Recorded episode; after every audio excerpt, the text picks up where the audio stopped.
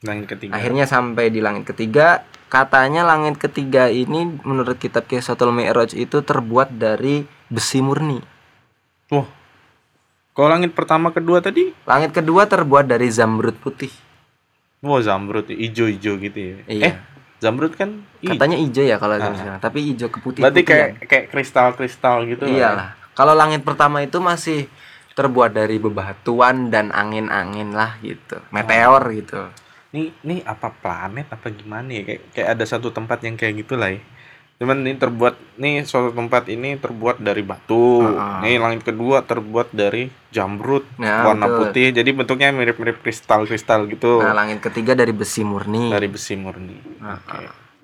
Kemudian sama masih sama prosesnya lah intinya lah itu di depan pintu langit Jibril ketok pintu kemudian disambut ini siapa saya Jibril bersama siapa bersama Muhammad Iya. apa kamu diutus ke sini iya benar diutus Bla- bla- blanya Bla- sama. bla- blanya sama nah lagi-lagi di sana ada seseorang juga nah itu otomatis pasti nabi dah Iya, Kan? ini nabi apa dulu nih? tapi nabi Besi- siapa nih Besi Nabi Daud lagi. Nah. Bener nggak? tak lain di situ adalah Nabi Yusuf Oh, Nabi Yusuf. Nabi Yusuf, Nabi Yusuf, Yusuf yang gantengnya nggak ketulungan lah. Katanya Ya. orang orang paling ganteng.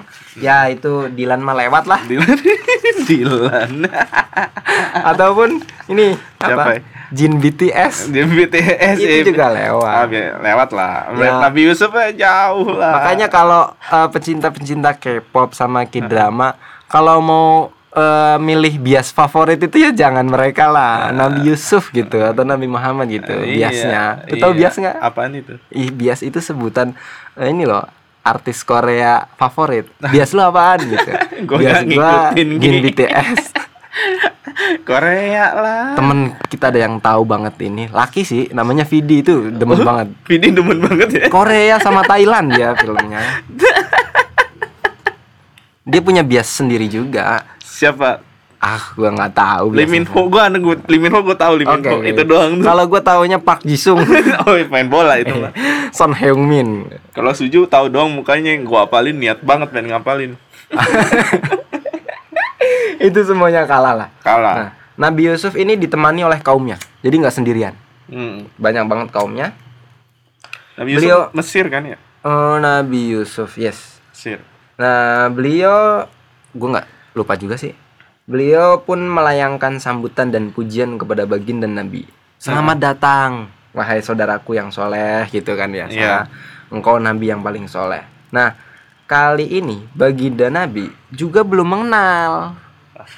Masa Sama kayak lagi Nabi Adam. masa nggak ini ini ganteng-ganteng nih kayaknya Yusuf deh Oh, gitu. kondisinya udah beda cuy. Oh, udah beda. Terus juga belum pernah lihat kan. Ah, ah, oh iya, Ketika di Masjidil Aqsa kondisinya beda. Ah, ah. belum pernah lihat. Jibril ini siapa gitu. Ini adalah saudaramu Yusuf alaihi salam kata Oh, Jibril. iya. Ya kan? Nah, ini di dalam kitab Kiswatul Mi'raj dijelaskan bahwasanya ketampanannya Nabi Yusuf itu cuman separuh daripada ketampanannya Nabi Muhammad. Loh, tapi kan setahu gue ceritanya Nabi Yusuf itu dia gantengnya itu setengah dari dunia gitu. Ya berarti kalau Nabi Muhammad Nabi Muhammad satu More du- than. satu satu dunia. iya satu Ganteng dunia. sendiri gitu. Ganteng sendiri. Satu udah. dunia. Pokoknya Nabi Muhammad itu nabi yang paling ganteng. Nah, ini Nabi Yusuf lewat gitu. separohnya doang. Separohnya doang Iya. gantengnya. Tapi begini, bukan berarti separoh itu dari sisi apa ya? Dari sisi kuantitas ya, Heeh. tapi dari sisi kualitas. Oh gitu. Dari sisi kualitas. Jadi begini, bukan berarti Nabi Yusuf separoh terus separohnya lagi itu ada di Nabi Muhammad gitu Enggak. misalkan. Enggak, enggak, enggak begitu. Ini ibarat dong perbandingan. Pokoknya intinya Nabi Muhammad lebih ganteng dah. Ah, ah. Jadi kenapa Nabi Muhammad itu disebutkan lebih ganteng daripada Nabi Yusuf? Karena sejak kecil sampai dewasa tidak ada seorang pun yang mampu melihat wajahnya Nabi Muhammad dengan seksama sempurna diplototin. Itu nggak ada. Oh. Kenapa? Bukannya takut atau bukannya apa?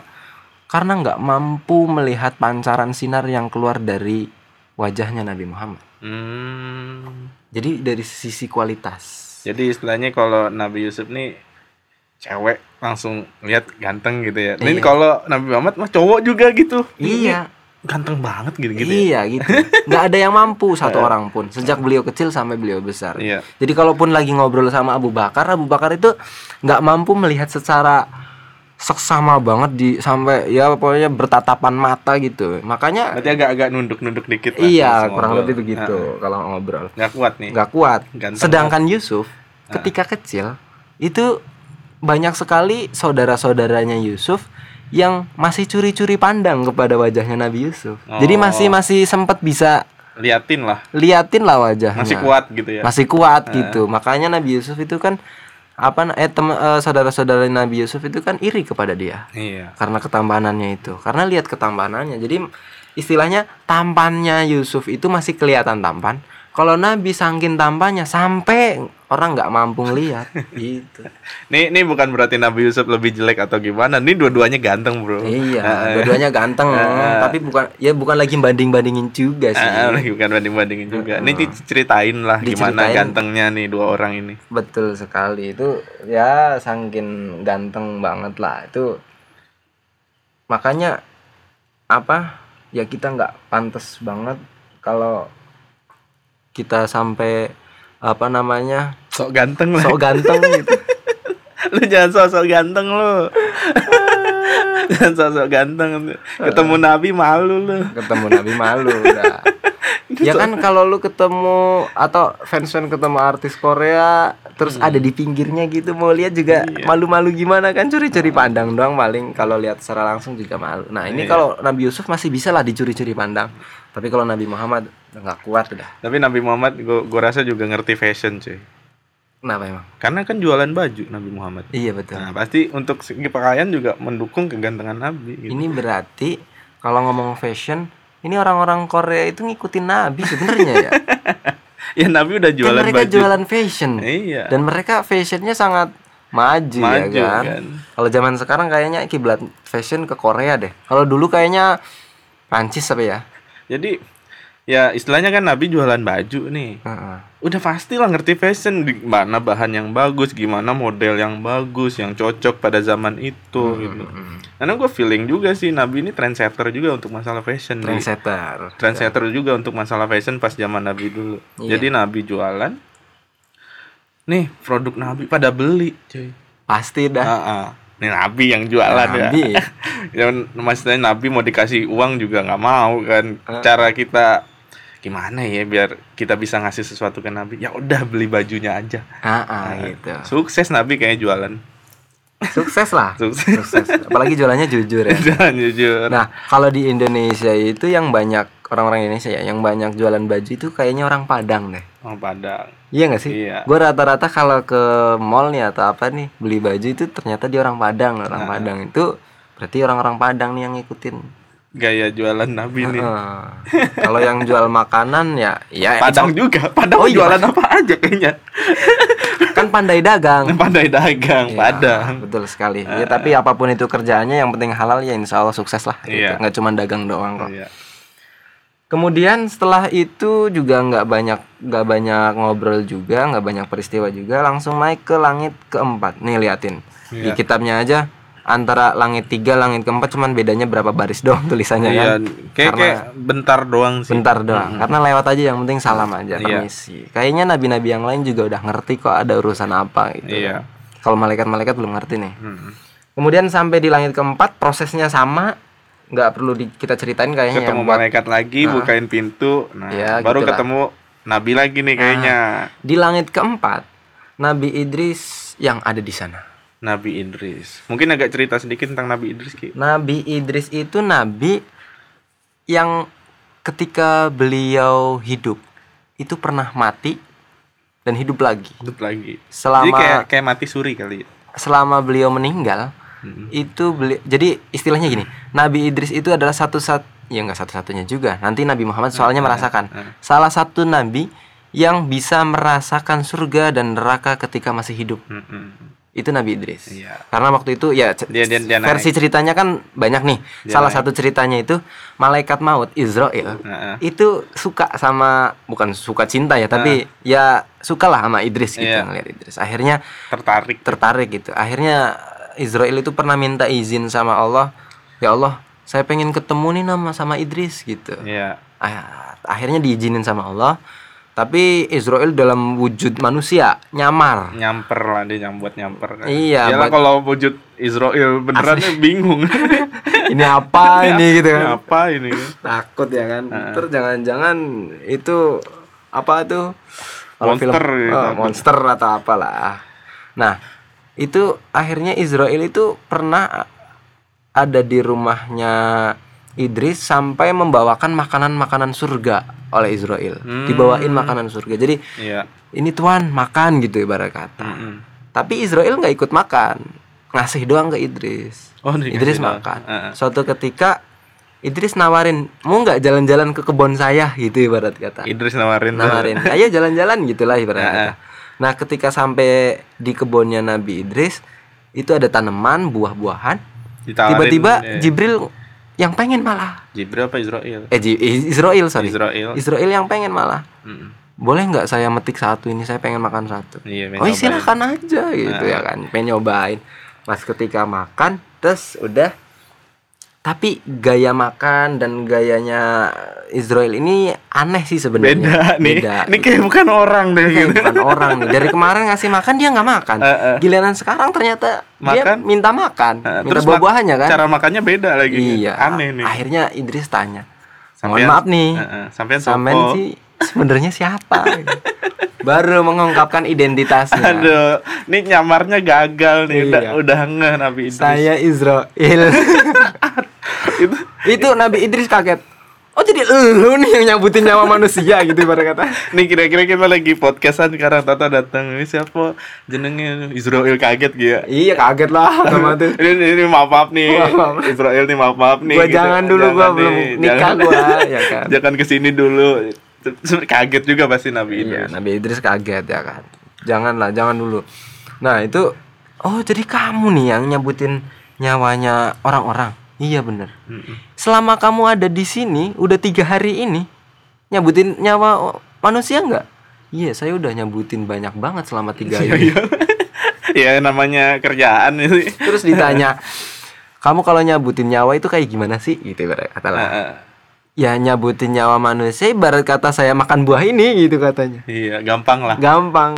Kayak lagi ngunyah buah inilah gitu Idih, serem juga sih akhirnya Idris ngomong aku pengen dong ngerasain mati kayak gimana. Waduh nih Nabi Idris nih nggak nggak aja sih. Nyobain mati Aduh. langsung Kalau- sama Israel gue gue nggak punya nyali gue langsung eh, langsung ada Israel di depan gue tuh. Eh cobain dong. Gue nggak punya nyali ki. Serius ki. Ogah ogah ogah. nyobain juga. Ya, Nabi Idris ini Eh. mau aku pengen tahu dong rasanya mati kayak gimana. Iya. coba matiin.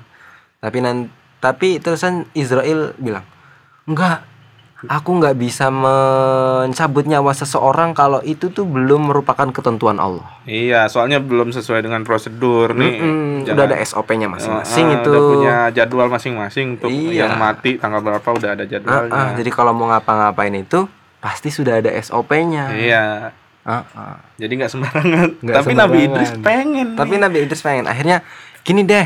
Coba kamu ngomong sama Allah, mintain izin boleh apa enggak? oh jadi Nabi Idris berdoa tuh Akhirnya enggak Idris ngomong kayak gitu ke Israel. oh Idris yang ngomong Akhirnya Israel nyampein ke Allah. Ini Ya ada Allah, nih, nih- manu- manusia satu pengen nyobain mati gimana ya? Boleh nggak ya gitu ya? Siapa sih emang gitu ya Cuke, oh ya udah deh memang udah sekarang aja udah. Jangan, jangan. Enggak. Nabi Idris yang pengen Nabi nih. Idris yang pengen gitu. Ya udah, ya udah nggak apa-apa kasih aja ya ibarat kata gitu. Nah, ini pengen try, try doang, nyoba. Nah, giliran udah dicabut nyawanya, kemudian ruhnya Nabi Idris sama Israel diajak jalan-jalan ke atas. itu kayaknya tujuan Nabi Idris Ya. tuh.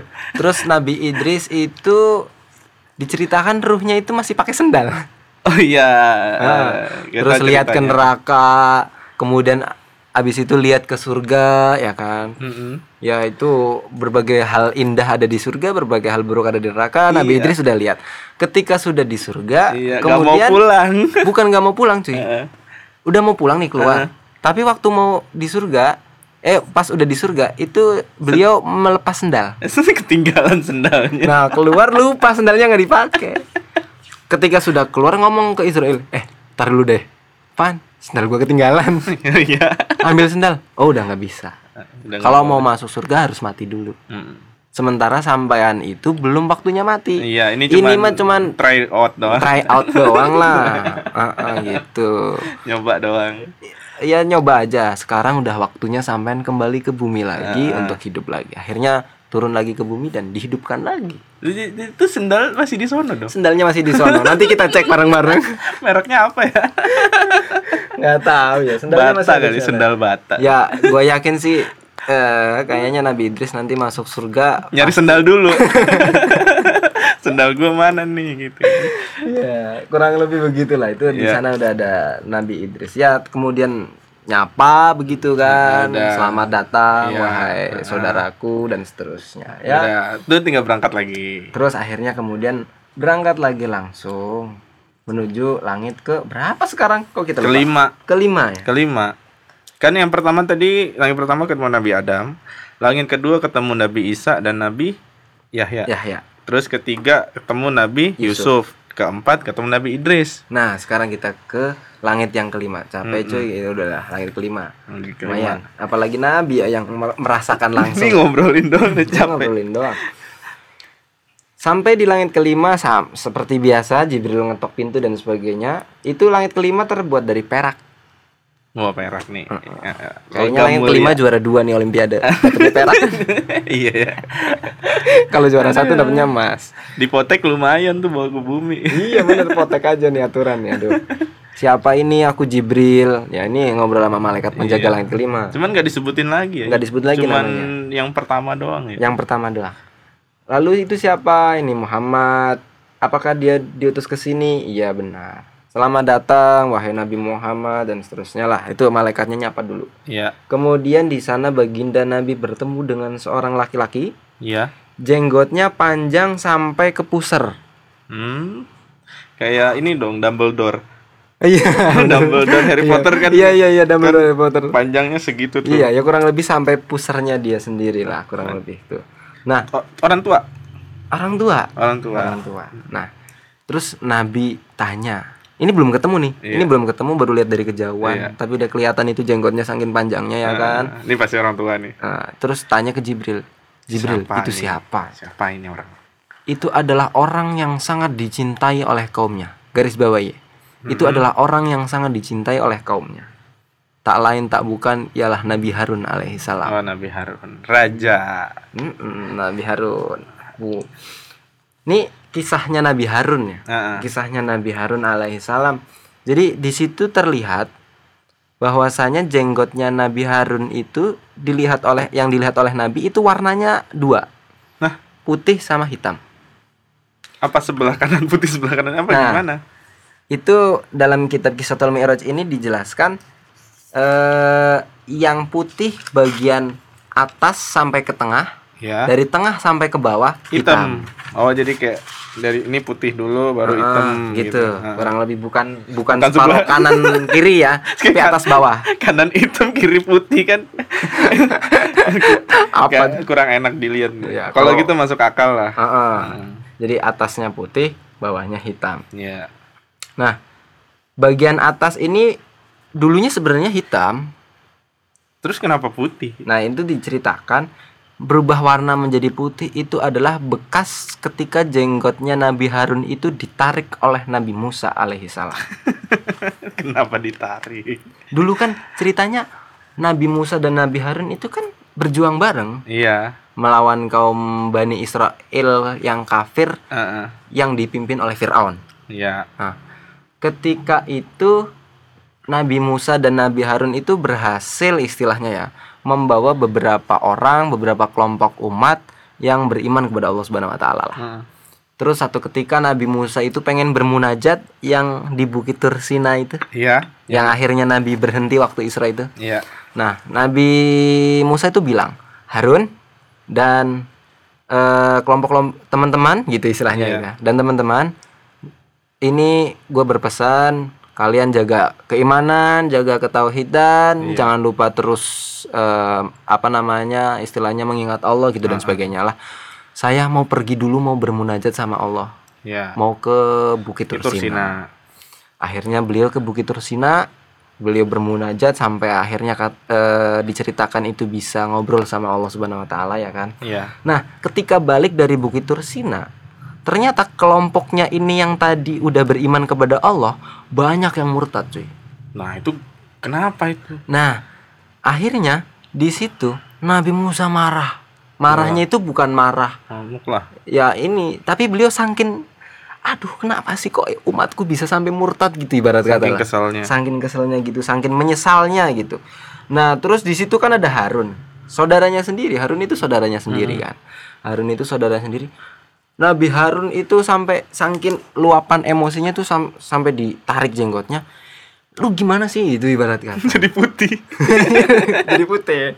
Nah, kurang lebih seperti itu sebenarnya Nabi Harun bukan mempengaruhi umat atau membiarkan umat jadi murtad bukan. Tapi tetap tetap menahan supaya mereka beriman, tapi Ada oknum-oknum yang lain. ada oknum-oknum yang lain. Nah, oknumnya itu salah satunya itu kaki tangannya Nabi Musa sendiri. Hmm. Namanya Musa juga. Iya. Namanya Musa Asamiri. Heeh. Dia itu salah satu kaki tangannya Nabi Musa, tapi diceritakan Musa Asamiri itu orangnya pinter, cerdas pada saat itu, Tapi licik. tapi ya keimanannya runtuh. Gimana Ah, keimanannya runtuh. Dia bikin sebuah berhala yang mirip sapi atau Iya. anak sapi. Heeh. Nah, di situ kan berhala kan zaman dulu orang tahu berhala itu nggak bisa ngomong. Iya. Nah, ini Musa Am- Samiri bikin kira-kira berhala ini bisa seperti orang ngomong. Itu dibikinin lobang. Ada orangnya dalamnya kan. nggak ada Dibuat- lobang t- yang ketika tertiup angin nanti jadi keluar suara. Kayak selu- seruling lah. Oh gitu. Ini pintar juga nih Musa nih. Nah, ini ya. Musa Asamiri ini pada zaman itu berarti udah termasuk fisikawan ini kayaknya ya kan? Keren kan itu? Iya, iya. Apa Iya. ya? Kayak ya iseng aja tapi buat gitu. Iya. Kita punya bambu terus kita tiup aja belum tentu ada bunyinya Nah. kan. Harus ada teori ah gimana itu bentuknya kan lekukannya kan seruling itu kan supaya Iya. bunyi. Nah, itu Musa Asamiri udah bikin itu. Akhirnya orang-orang jadi pada lah iya ini berhala bisa ngomong ini. Maksudnya bisa ada suaranya gitu. Terus ini sebagian Malah Musa Samiri bilang, itu tuh lihat tuh, ini Tuhan kita si berhala tadi. Ah, Ini Tuhan kita lagi ngobrol ini sama Tuhannya Musa, gitu ibarat kata. Jadi yang dimaksud Tuhan itu malah yang kam, apa sapi yang dibuat nama Musa Samiri tadi iya ya. betul. Nah akhirnya banyak yang murtad. Jadi Cuman mas- sebenarnya Harun- masyarakat tertipu ya gitu. Mm-mm, Harun sebenarnya sudah menahan tapi Harun eh, apa namanya sudah nggak mampu lagi melawan kecerdasannya Musa. Oh. Pada saat itu diceritakan seperti itu. Bingung ini ngelawannya gimana. Jadi pas Nabi Musa turun ya ngamuk lah gitu. ngamuk sampai akhirnya ten commandment itu aja sampai istilahnya kita kalau bos itu ngelemparin buku gimana sih lu? Atau proposalnya salah gitu? Ini gimana sih? Kan 10 itu apa Zub ya. iya. Itu dibawa pakai batu kan. Mm-mm. Nah, itu sampai dilempar sama Musa. Saking emosinya. Dan ditarik itu jenggotnya Harun. Kamu berkhianat ya kayak gitulah ngobrol kayak gitu. Tapi Nabi Harun itu orangnya sabar. Sabar. sabar. Kan ada tuh di ayat Al-Qur'annya tapi gua lupa ayatnya gimana. Itu menceritakan detail jawabannya Nabi Harun seperti apa? Nabi Harun itu jawabannya lemah lembut sekali yang akhirnya meredamkan emosi Nabi Musa. Nah Iya. Nabi Harun itu diceritakan orangnya lemah lembut dalam berdakwah lemah lembut nggak pakai cara-cara kasar. Oleh karena itu Nabi Harun dicintai banget sama umatnya. Oh iya. Nah, ini diceritakan pada saat itu Nabi Harun yang jenggotnya panjang itu di langit kelima ini, Nabi Muhammad itu ngelihat Nabi Harun lagi sama umatnya. Hmm, banyak nih belakang. Banyak, banyak umatnya dan Nabi Harun kayak lagi dongeng gitulah. lagi lagi kayak lagi cerita-cerita Ya, lah. kayak dalang lagi ah. cerita gitu Cerita lah. sama umat. Lagi mendengar. Umatnya terlihat sangat antusias, sangat senang, khusyuk mendengarkan tanpa ada rasa ya rasa-rasa be- penolakan nggak gitu. bete lagi. Nggak bete lagi itu. Nah, itulah makanya Nabi Harun itu mendapat julukan nabi yang sangat dicintai oleh umatnya karena Iya. dengan cara-cara dakwahnya yang lemah lembut. Iya. Bahkan sampai Musa aja dilemah lembutin Iya. segitu emosinya. Hmm. Nah, oleh karena itu ya ya apa? hikmahnya cuy gue mau ngomong tapi nggak enak lu tahu lah ya lu tahu lah ya teman-teman di sama tahu lah ya Janganlah. Oke, iya udah nih, udah ketemu Nabi siapa? Nabi Harun Nabi Harun. Setelah itu lanjut lagi, langit ke-6. Ini ini gue belum menemukan hal-hal yang sangat diuji lah untuk Nabi Muhammad dari dari langit pertama sampai langit kelima. Ini masih menceritakan tentang pertemuan pertemuan dan napak tilas Napak tilas. nabi-nabi sebelumnya. Heeh. tapi ya setelah itu terus menemui Mm-mm. saling salam-salam aja Iya, biasa. salam-salam aja. Heeh, kemudian sampai di langit keenam ini langit keenam. Eh apa namanya? Langit keenam ini katanya itu terbuat dari emas. Wah, iya. Ini lebih lebih at- lebih tinggi dikit lah. Iya. Kualitas material tempatnya. Heeh, kualitas material tempat. Dari betul sekali. dari perak ke emas. jadi wahai para penambang-penambang ayo kita ke langit 6 siapa tahu di sana banyak emas barangkali Freeport dikit lagi emasnya sudah habis ya kan kita ke sana aja langit ke 6 banyak Terus di sana ketemu siapa Ki? Nah, di sana Nabi Muhammad di langit ke-6 itu melihat seorang nabi dan beberapa nabi ya. Mm-mm. Ada nabi dan beberapa ya beberapa nabi yang punya kaum tapi di bawah 10 orang jumlahnya. Dikit banget dong. Dikit. Kemudian lihat juga di sebelah sana, di sebelah lain gitu. Itu lihat beberapa nabi punya kaum ya cukup banyak ya. Lumayan, lumayan banyak. Tapi nggak disebutin nabi apa nabi apanya. Enggak, enggak disebutin. Mm. Kemudian lihat lagi yang ketiga kalinya Nabi melihat beberapa nabi yang nggak punya kaum. Hmm. Heeh. Dia sendiri-sendiri aja Dia udah. sendiri aja. Jadi ada yang pu- yang sendiri-sendiri, ada yang punya kaum cuman jumlahnya nggak nyampe 10, ada yang lumayan banyak. Mm-mm. Nah, tiba-tiba Nabi melihat segerombolan kaum yang begitu banyak dari kejauhan. Iya. Heeh. Ini le- jumlahnya lebih banyak nih. Ini ngalahin yang tiga yang kelompok itu ya. iya ngalahin yang tiga kelompok itu gerombol banyak banget terus Nabi nanya itu siapa mereka itu yang banyak banget Jibril gitu ibarat kata mereka adalah Nabi Musa dan para pengikutnya Iya, Nabi Musa mah rombongannya banyak Ki. Mm, mm. Nabi Musa rombongannya banyak terus Jibril bilang eh ini nun sewu Nabi Muhammad Iya. tolong sampean angkat kepala sampean gitu kata Jibril Kok angkat kepala maksudnya? Ya suruh angkat kepala aja. Nah, nanti nanti kita ketemu lah apa maksudnya. Kemudian akhirnya Nabi pun eh, angkat kepala. Tiba-tiba datang lagi beberapa gerombolan umat Yang Banyak. lebih yang lebih gede lebih gede lagi daripada Musa. daripada Musa. Siapa tuh? Nah, terus lah itu siapa? Oleh karena itu saya minta angkat kepala. Mereka adalah umatmu wahai Muhammad. Ayo lo. Gitu. Mereka semua itu nanti akan masuk surga tanpa dihisap. Tanpa Bukan- dihitung. Tanpa dihitung bukan dihisap di hisap hisap ya. Tanpa dihitung kecuali 70 ribu orang doang. Jadi banyak. iya. Yang 70 ribu nanti akan masuk dengan dihitung. Iya. Sisanya bawa alam berapa jumlahnya itu masuk tanpa Oh, dihisap. itu lebih banyak daripada Lebih 70 banyak. daripada 70 ribu tadi. Betul sekali Hmm. gitu. Terus akhirnya Nabi Muhammad bertemu dengan Nabi Musa. Kan? Iya. Musa bin Imran Mm-mm. alaihissalam. Nabi Musa ini kondisi fisiknya punya kulit putih kemerah-merahan sama kayak Nabi Adam Iya. dan mempunyai banyak rambut atau bulu lah. Karena Kadang-kadang kita nyebut rambut sama bulu kan beda ya. Tergantung. kalau bulu kan eh, ini Bulu alis, bulu alis, bulu mata, bulu mata. terus bulu tangan. Kalau rambut yang kepala. Ah, kan gitu. Hmm. Nah, punya punya banyak rambut dan punya banyak bulu lah. Itu bahkan diceritakan Nabi Musa kalau pakai gamis atau pakai baju dua lapis saja, Heeh. itu rambutnya tetap kelihatan. Sebab apa? Sebab rambutnya itu tajam bisa nusuk-nusuk bajunya. Itu kayak jarum dong. iya. Aduh. Aduh, gua kalau punya teman begitu gua nggak mau pelukan. Jadi tajam kayak landak apa gimana? Aduh, alam itu yang jelas bulu sih. Saking banyaknya. Mungkin Bisa bukan keluar-keluar. bukan- mungkin bulu bu- bulunya itu bukan karena tajam menurut mungkin, Hmm. karena halusnya itu. Oh iya, bisa jadi. Jadi sampai masuk ke pori-pori apa? Pori-pori Kain. kain. Heeh. halus Saking ya. halusnya. Bukan karena saking tajam ya. Iya. Anda positif sekali. Iyalah. Saya mau men- menerjemahkannya dengan yang positif terus. Iya benar. Terus itu seolah-olah saya negatif terus. nah, Nabi Musa ini punya badan tinggi tapi nggak setinggi Adam ya.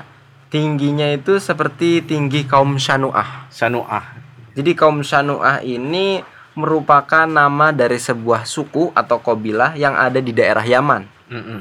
Nah, ditinjau dari makna leksikal, makna kamus gitu Makna ya. kamus. Ya, Shanu'ah itu artinya kebencian.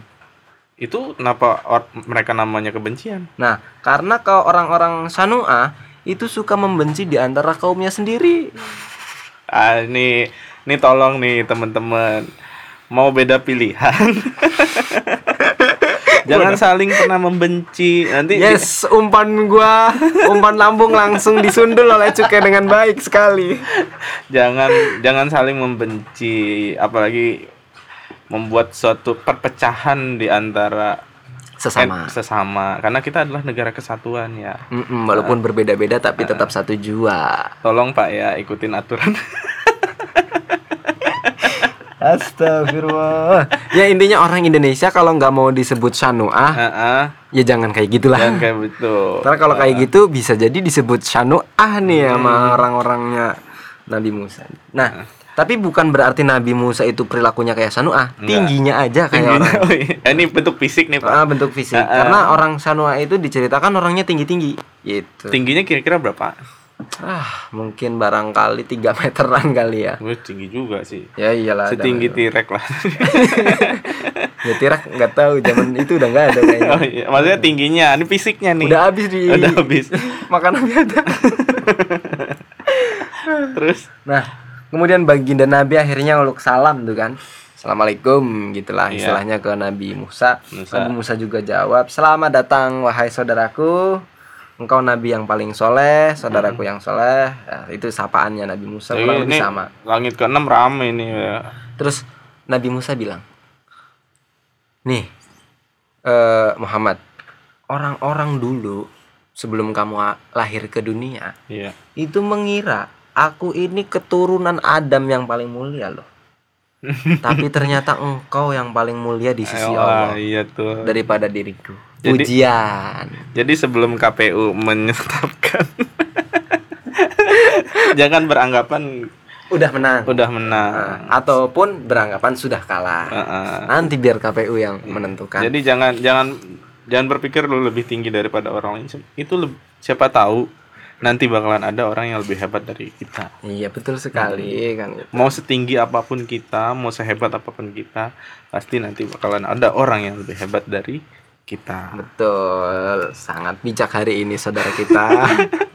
Ini emang emang gua, makan apa sih? gua gua lagi nggak banyak bercanda nih, gua lagi pengen bener-bener ngaji nih. Ah, asik. Oke. Kalau begitu kita serius-serius saja. Nah, kemudian eh baginda naik it, baginda Nabi itu mau naik ke langit ketujuh. Mau, baru mau ya. Iya. Baru mau. Setelah dap salam-salam, kemudian Nabi Musa nyampein sapaan yang baik tadi. Nabi Muhammad mau lanjutin perjalanan, tiba-tiba Musa nangis. Loh, kok nangis? Gak, gak diajak apa gimana? apa Nabi Musa pengen ikut juga? Nah, terus Nabi Muhammad akhirnya tanya, "Ya Musa, apa yang membuatmu menangis? Iya. Kamu kenapa menangis?" Nabi Musa bilang, "Aku menangis karena orang yang diutus setelahku mampu memasukkan umatnya menuju surga dengan jumlah yang lebih banyak daripada umatku sendiri." Iyalah. Kan tadi kelihatan tuh Musa banyak bawa bawa banyak umat, tapi ada lagi yang lebih banyak tuh kan. Nah, Tapi Nabi Muhammad bilang apa? ini belum selesai Oh, omongannya Musa. Bani Israel menganggap aku adalah orang paling mulia di sisi Allah. Diulang lagi nih kata-kata tadi. Iya. Tapi engkau yang diutus setelahku yang masih hidup di dunia dan aku masih eh ah, dan aku sudah ada di akhirat. Nah, otomatis pasti umatmu masih bisa bertambah banyak ini daripada Iya. yang ada di sini nih. Heeh. Yang ma- bisa masuk surga juga bisa lebih banyak lagi. Jikalau engkau kesi- ke sini sendirian, saya nggak ngapa. Mm-mm. Tapi kamu ke sini itu banyak umatmu juga itu, gitu kata Iya. Musa. Nah, ini perkataan atau ungkapan Nabi Musa menangis ini bukan ungkapan iri dengki ya. Iya. Bukan mentang-mentang wah lu mah ngebandingin, bukan eh, lu ngebandingin. mah umatnya banyak yang masuk Iya. surga, gua mah dikit. Nggak bukan berarti iri, tapi Iya. ini ungkapan perasaan sesal dan sedih. Sedih aja. Sesal dan sedih terhadap apa yang telah dilakukan oleh kaum Bani Israel. Iya. Dia sudah menunjukkan kebenaran kepada kaum Bani Israel. Udah capek-capek dakwah tapi dikit doang. Coba tuh kayak umatnya Muhammad dong gitu ibarat kata. Iya. dia merasa sesal aja sih sesal dan sedih terhadap umatnya dia sendiri. Jadi ketika pendukung lu nggak sebanyak itu, jangan iri ya, jangan iri. Cukup rasa sesal dan sedih dan sedih aja ya, Eh, gitu ya. aduh Karena nanti nanti mungkin salah satu. solusi anda sangat baik sekali ya Ah, jadi jangan jangan ada emosi, jangan ada eh, positif apa yang negatif negatif lah yang positif aja. Sedih boleh. sedih boleh sesal, Se- sesal boleh. tapi bukan iri dan dengki Jadi bukan iri dan Karena dengki. kalau iri dengki itu akan menunjukkan kita kepada sebuah balas dendam dan balas Iya. dendam itu menunjukkan kita sebuah hal-hal yang jelek lah. Ah, ah. Tapi kalau sesal dan sedih, sesal itu nantinya kita akan menjadi evaluasi diri sendiri. Jadi bercermin kembali, mengevaluasi kenapa kita sedikit. Iya, kok di Gitu sana aja. kalah? Kok di sana di- Ayo kita kaderisasinya lebih baik. Iya, gitu aja. Atau visi misi yang kita tawarkan lebih baik. Iya, gitu Punya aja. inovasi dan Ah, sebagainya. Bukan Cocok nih. Cocok gue gue dari tadi tuh nungguin nungguin begini beginian nih cocok cocokin nih kayaknya lu mau masuk pol- jadi politisi kayaknya. gue pengen nyentil nyentil dong nih orang-orang yang apa sih yang diberantemin gitu kan Iya. Ya, yang diberantemin adalah jabatan, cuy. Iya maksudnya yang ja- yang di atas kayak yang dapat jabatan yang bawah Oh iya, gitu. kalau nah kalau yang di atas oke lah ya mereka pengen jabatan. Oh, masyarakat itu ikut ikut Iya, berantemin. berantemin apa gitu kan Iya, mau siapa juga presidennya, ya gua tetap gini-gini aja. jadi cukup merasa sedih aja ya Iya. terus iyalah. Dan sesal. susah Setelah peristiwa itu, kemudian Nabi melanjutkan perjalanan Mi'rajnya menuju langit yang ketujuh. Langit yang ketujuh. Alhamdulillah sampai langit ketujuh, cuy. Kayaknya ini agak lebih enteng dari Isra sih menurut Iya. gue. Dari langit satu ke langit yang ketujuh. sampai langit ketujuh. Nah, langit ketujuh ini terbuat dari yakut. Yakut ini Yakut minuman. Gue taunya Yakut minuman iya, gitu. iya, minuman yang Susu baik fermentasi. untuk, untuk dikonsumsi setiap hari buat usus-usus kita. Sehari saya minum dua. nah, bukan, ya. ya, bukan yakut itu. Nah. Yakut itu artinya intan permata lah. Wah iyalah ini ini udah diamond ini Diamond, diamond diamond. diamond ini emas emas lewat Hmm, Mas udah- lewat. Udah beda lagi Nah. nih. Nyarinya lebih susah. ya Terus terus akhirnya baginda Nabi dan Jibril masuk ke langit pintu ketujuh ya seperti sama lah prosesnya kayak tadi Ya. sama persis. Nah di sana Nabi Muhammad melihat sang Khalilullah Nabi Ibrahim alaihissalam oh, yang Nabi Ibrahim. yang tentu statusnya masih kakeknya Nabi Muhammad Iya, juga kan? mbah juga. Mbah juga. Mbah kita mbahnya Samawi. Eh, betul. Ki- eh, lu apal? Nggak tahu nggak Sampai apa. Ibrahim. nggak. Sama gua nggak apa ya kalau teman-teman pengen tahu gue pernah lihat di YouTube eh, ketua PBNU Said Akil Siraj itu pernah mengucap eh, menyebutkan menyebutkan silsilah Nabi Muhammad sampai Ibrahim. Subhanallah itu Dia hafal itu cuy. ada berapa ini? Berapa orang? Nggak tahu. Ada Jauh dua puluh tiga puluh. Ada ya? Kurang lebih kali ada kali. Itu karena ya, zamannya kan lumayan jauh gitu. Iya. Pokoknya itu Nabi Ibrahim masih kakeknya Nabi Muhammad lah. Masih kakek berarti agak lebih dekat ke Sidratul Muntaha ya Nabi Ibrahim ya Ah, yang ah. atas ya Kan di langit ketujuh paling Langit atas ketujuh. ini. Nah, terlihat di sana Nabi Ibrahim itu sedang duduk di dekat surga. Oh. Enak ya duduknya di dekat surga ya. deket iya. No, Kalau lu duduk-duduknya paling di jembatan ya kan atau flyover yang ada tukang buah. iya, nongkrongnya asik gitu nongkrongnya samping Aduh, surga ya nongkrong samping surga. kecium baunya udah Iya, aduh, enak banget itu Ah, ah. pokoknya. Nabi Ibrahim lagi duduk deket-deket surga. Duduk, duduk. Berarti duduk, surga duduk. kayaknya deket-deket ini ya, deket-deket langit ketujuh ya. dekat-dekat langit ketujuh. Oh, berarti tinggi juga. Tinggi. Heeh. Nah, duduk di atas kursi yang kursinya tapi terbuat dari emas. Oh iya. Nah, itu Gaya beliau- banget beliau- ya. Di, ini rumah diamond nih kan. Rumah diamond, kursi, emas. Kursi emas. gue nasi makan masih nasi pakai kertas nih, pakai emas nih. Aduh, jauh banget. Aduh, jauh jauh jauh jauh. Kursi gua masih plastik kan. Beliau menyandarkan punggungnya itu ke Baitul Makmur. Baitul Makmur itu apa? Ya, Baitul Makmur itu sebuah tempat lah. Nanti nanti nanti akan diceritakan di sini, Iya. tapi nantilah itu Baitul Makmur itu seperti apa. Nah, beliau terlihat bersama dengan kaumnya.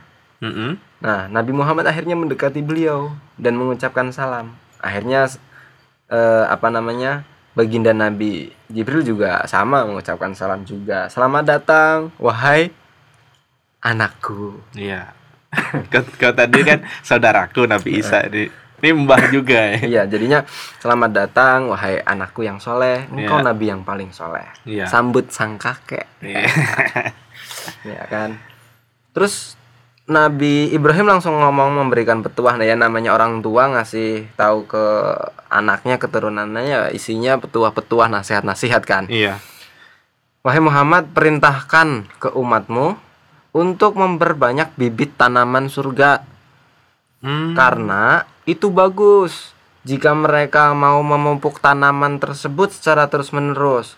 Apalagi tanah surga itu luas. Iya. Tanemin tuh Iya. dan pupuk pupuk itu tanaman. Ibarat kata gitulah. Tapi tanamannya apa ini? Nah, apa itu tanaman surga? Kata. Nabi Muhammad tanya kan. Tanaman surga itu adalah la haula wala quwata illa billahil aliyyil adim. Hmm. Kita nggak perlu beli tuh bibit tanaman, nggak Ya. perlu mupuk yang mahal-mahal juga. Nggak kayak perawatan kelapa sawit.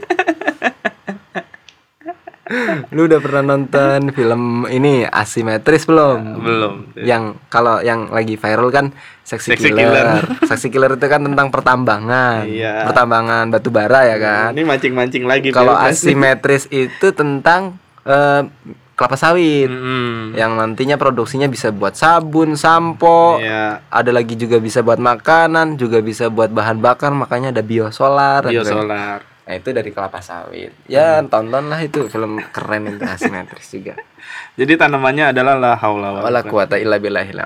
Perawatannya nggak semahal kelapa sawit. Mm.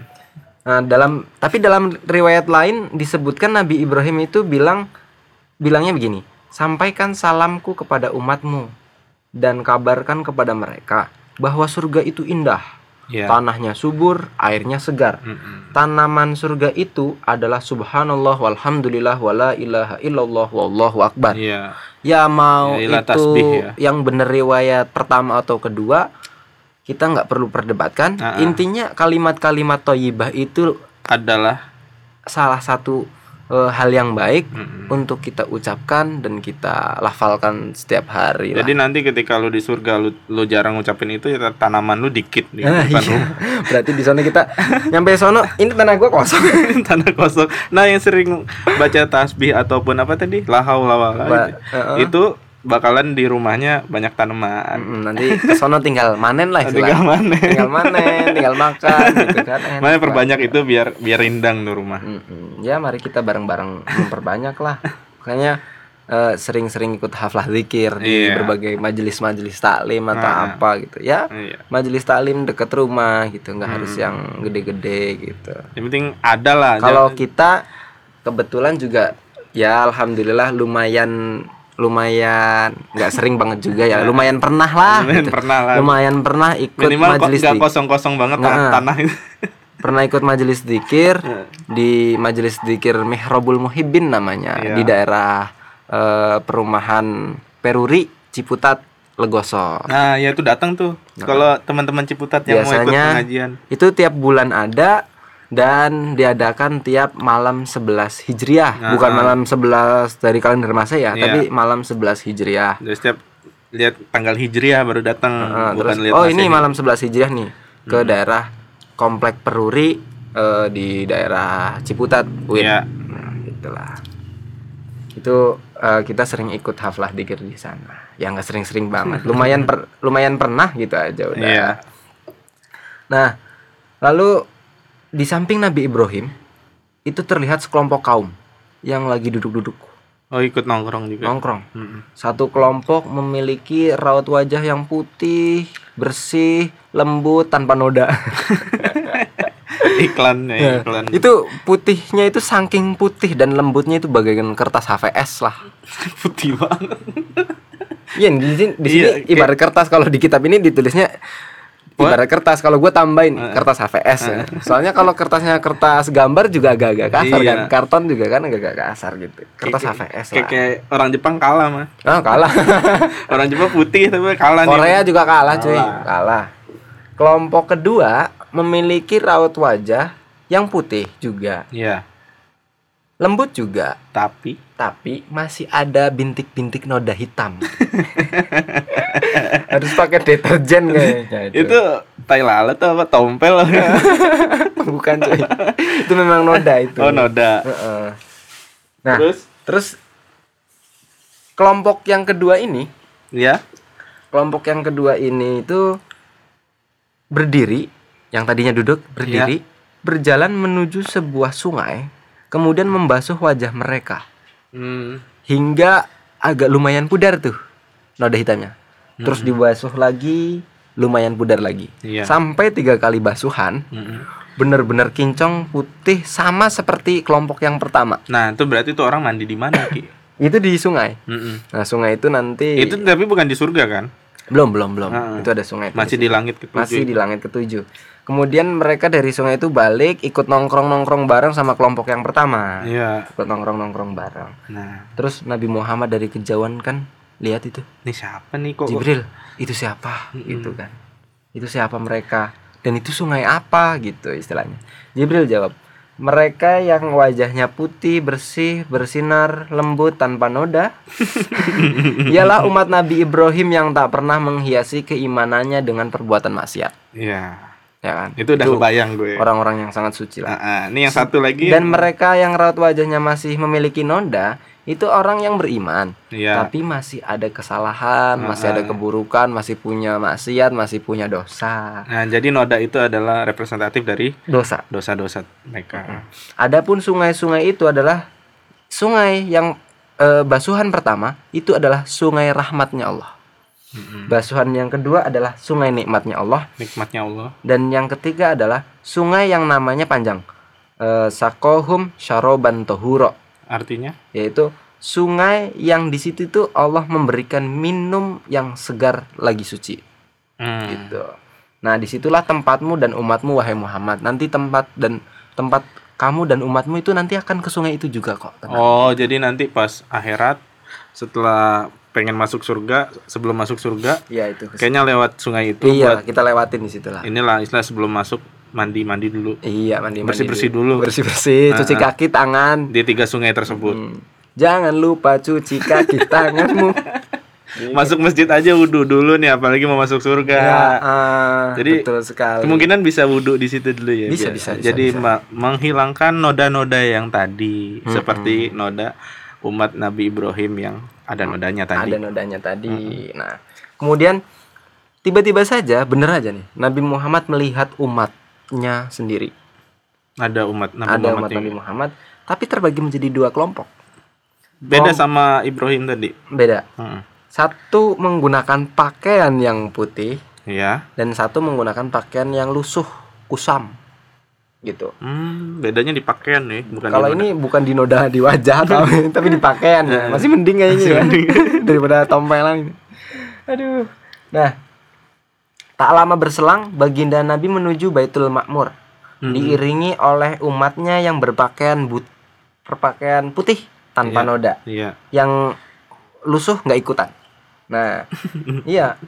Nah, terus Baitul Makmur itu adalah sebuah tempat ini kan pertanyaan Iya. lo tadi. Yang tiap harinya itu selalu dikunjungin oleh 70 ribu malaikat dan malaikat itu tak pernah keluar dari Baitul Makmur itu kalau yang udah masuk. Oh. Jadi di sana banyak sekali malaikat. Nah, Baitul Makmur itu sebuah tempat yang tegak lurus dengan Mekah. Ketika ada batu yang dijatuhkan dari Baitul Makmur, jatuhnya pasti tepat di atasnya Ka'bah. Ka'bah. Ini tegak lurus banget dengan Ka'bah.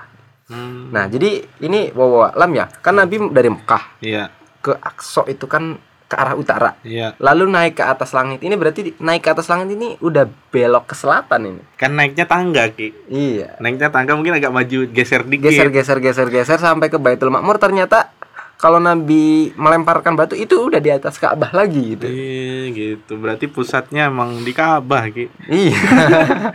Emang cuman nih Masjidil Aqsa kenapa kok harus lewat Masjidil Aqsa? Mungkin tujuannya buat ketemu nabi-nabi tadi tuh. Mm-mm. Jadi siapin satu tempat di mana nanti nabi-nabi yang lain menyambut untuk mendoakan perjalanan nabi gitu Mm-mm, kan gitu doang. Makanya sebenarnya kalau kalau pengen dari Mekah langsung ke atas juga lebih gampang ki iya. nggak nggak ini jadi langsung set gitu kan kan satu titik Satu titik banget. Mm-mm. Di- Pokoknya kalau ditarik garis garis lurus itu ya sama persis Baitul Makmur lurus banget dengan Ka'bah. Iya. Nah, di dalam sebuah riwayat lain diceritakan juga Nabi Muhammad itu disuguhin lagi tiga gelas yang kayak tadi disuguhin waktu di Masjidil Aqsa. ya Nabi Muhammad lagi-lagi milihnya susu. Susu. Nah, terus Jibril komentar juga. Heeh. Engkau memilih yang tepat wahai Muhammad. iyalah kan udah Susi tadi. ini eh susu susi lagi. Susu ini lambang kesucian Iya. yang engkau dan umatmu kelak akan